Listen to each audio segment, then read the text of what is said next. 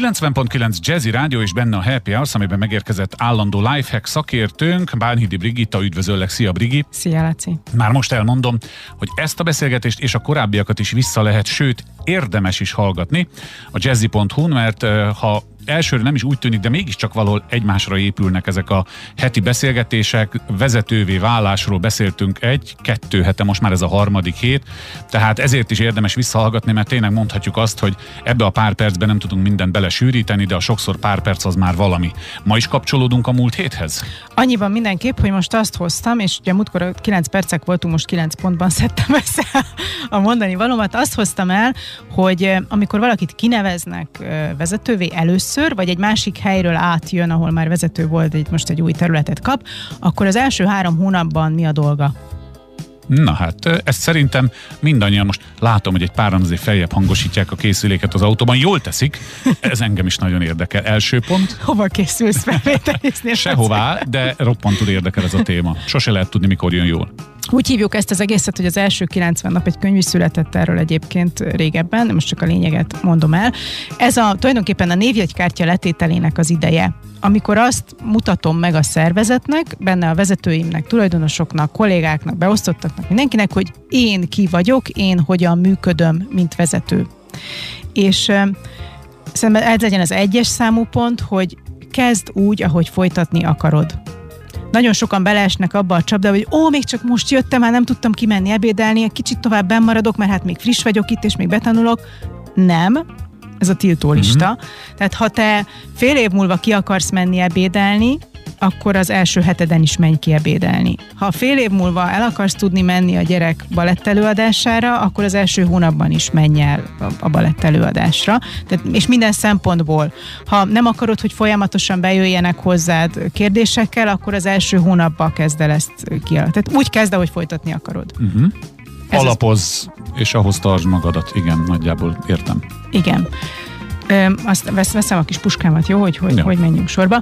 Aztán ö, e, ez tulajdonképpen magába kódolja, hogy fogalmazd meg, hogy, hogy milyen vezető vagy te, milyen szerepet szánsz magadnak. Ez egy ilyen, nem is tudom, vezetői hitvallás, krédó, akár, akár olyan részletesen is, ahogy itt az előbb elkezdtem mondani, hogy milyen meetingeket akarok tartani, milyen gyakran akarok az emberekkel beszélni, mennyit vagyok én remote, meg mennyit vagyok bent az irodában, milyen témákba folyok bele mindenképp, miben nem, kivel fogok rendszeresen networking ebédet szervezni, kivel nem, a felső vezetőkhöz hogyan kapcsolok. Tehát egy ilyen teljes, nem is tudom, így a a, a játszóteredet rendezd Világos. be. Hogy azon Számomra van egy, szá, egy, uh-huh. egy csúszda, meg egy mászóka, és azon hogyan szabad, mikor szabad oda bemenni. Okay. Egy ilyet alakíts ki. Ez nyilván fel kell mérni a terepet, de, de mégiscsak a saját preferenciád alapján alakíts ki.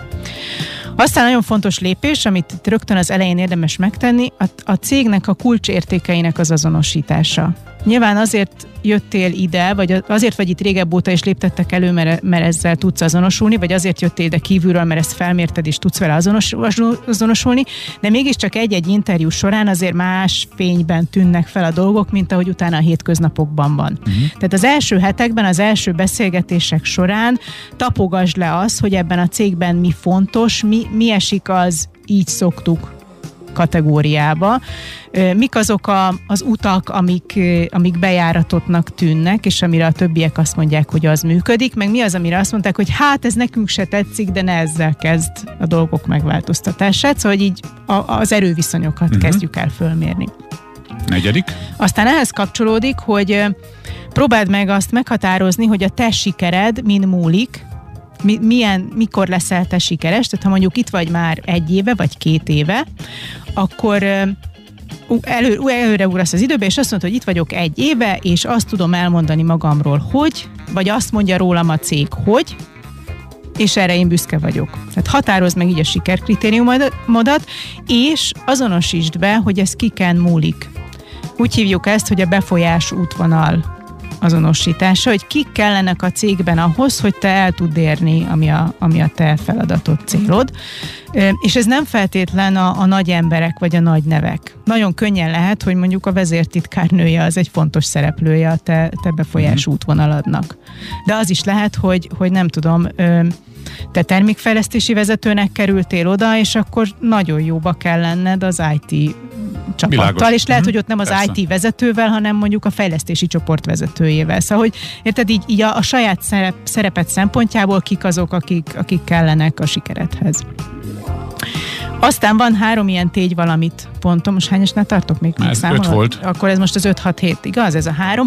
Öm, tegyél valamit a vezetődért, még mindig az első három hónapban vagyunk, szóval ez egy Persze. sűrű, sűrű első három Igen. hónap, de már az első három hónapban ér, érezze, érezze a vezetőt, hogy érdemes volt téged idehozni, tehát keresd meg, hogy mi az a fájó pont, amit ő már régóta szeretne megoldani, vagy amin ő kampányol, de eddig nem ment át, tehát valahogy, valahogy próbálj ö, a kedvében járni, de most nem a merci csokira gondolok, hanem, hanem úgy céges szempont, Persze. vagy ügy, ügy szempontból. Tegyél valamit a beosztottaidért, ugyanez, mondjuk nem tudom, ezer éve sírnak azért, hogy miért nincs virág az asztalon, akkor te ne próbáld elintézni bentről, nem vegyél a saját pénzedből egy 5000 forintos Mhm. Virágot. És uh, tegyél valamit önmagadért is, tehát te, te rögtön ott az elején kezd el kialakítani a saját márkádat, ennek a, a kommunikációját, és azáltal, hogy a, amit az előbb, az el- elején mondtam, hogy a saját szerepedet kialakítod, meg a, meg a munkavégzési módszertanodat, azáltal a saját stressz szintedet is próbáld menedzselni. Az nagyon fontos. hogy ne tudjon a fejedre nőni ez az egész új, új szerepbe kerültem dolog. Egy szó kering a fejemben, míg végig hallgatom ezt. Kicsit képlékenyé kell tenni a szélét a kifejezésnek, hogy belesúvasszam mind a kilencet, Igen. de talán úgy tudnám definiálni ezt a kilenc pontot, hogy a többiek szemében a kiszámíthatóság megteremtése, mert minden arról szól, hogy tudják, hogy nálam mit lehet, mikor lehet, hogy én mit csinálok, mikor csinálom, hogy csinálom, de talán azt is, hogy mikor nem.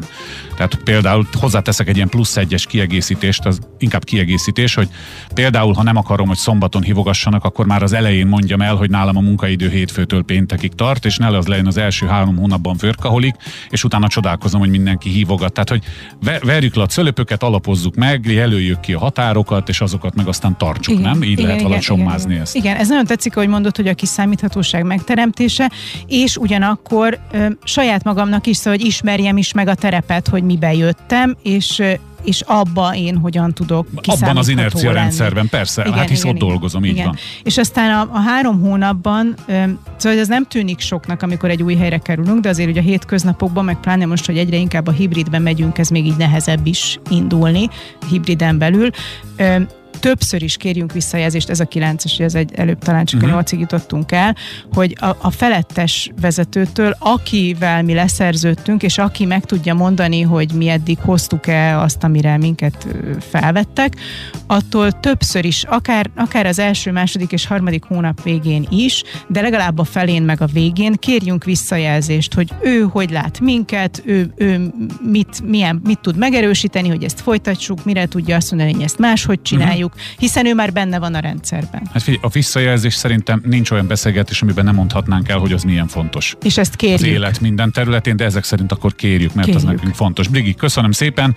A hallgatói visszajelzéseket akár Facebookon is elküldhetik, vagy Kérjük. írhatnak, kérjük, igen, nyugodtan írjanak, vagy eh, Briginek a bánhidibrigitta.com oldalon keresztül. Mi töretlenül megyünk tovább, és egy hét múlva folytatjuk. Szia! Köszönöm szépen.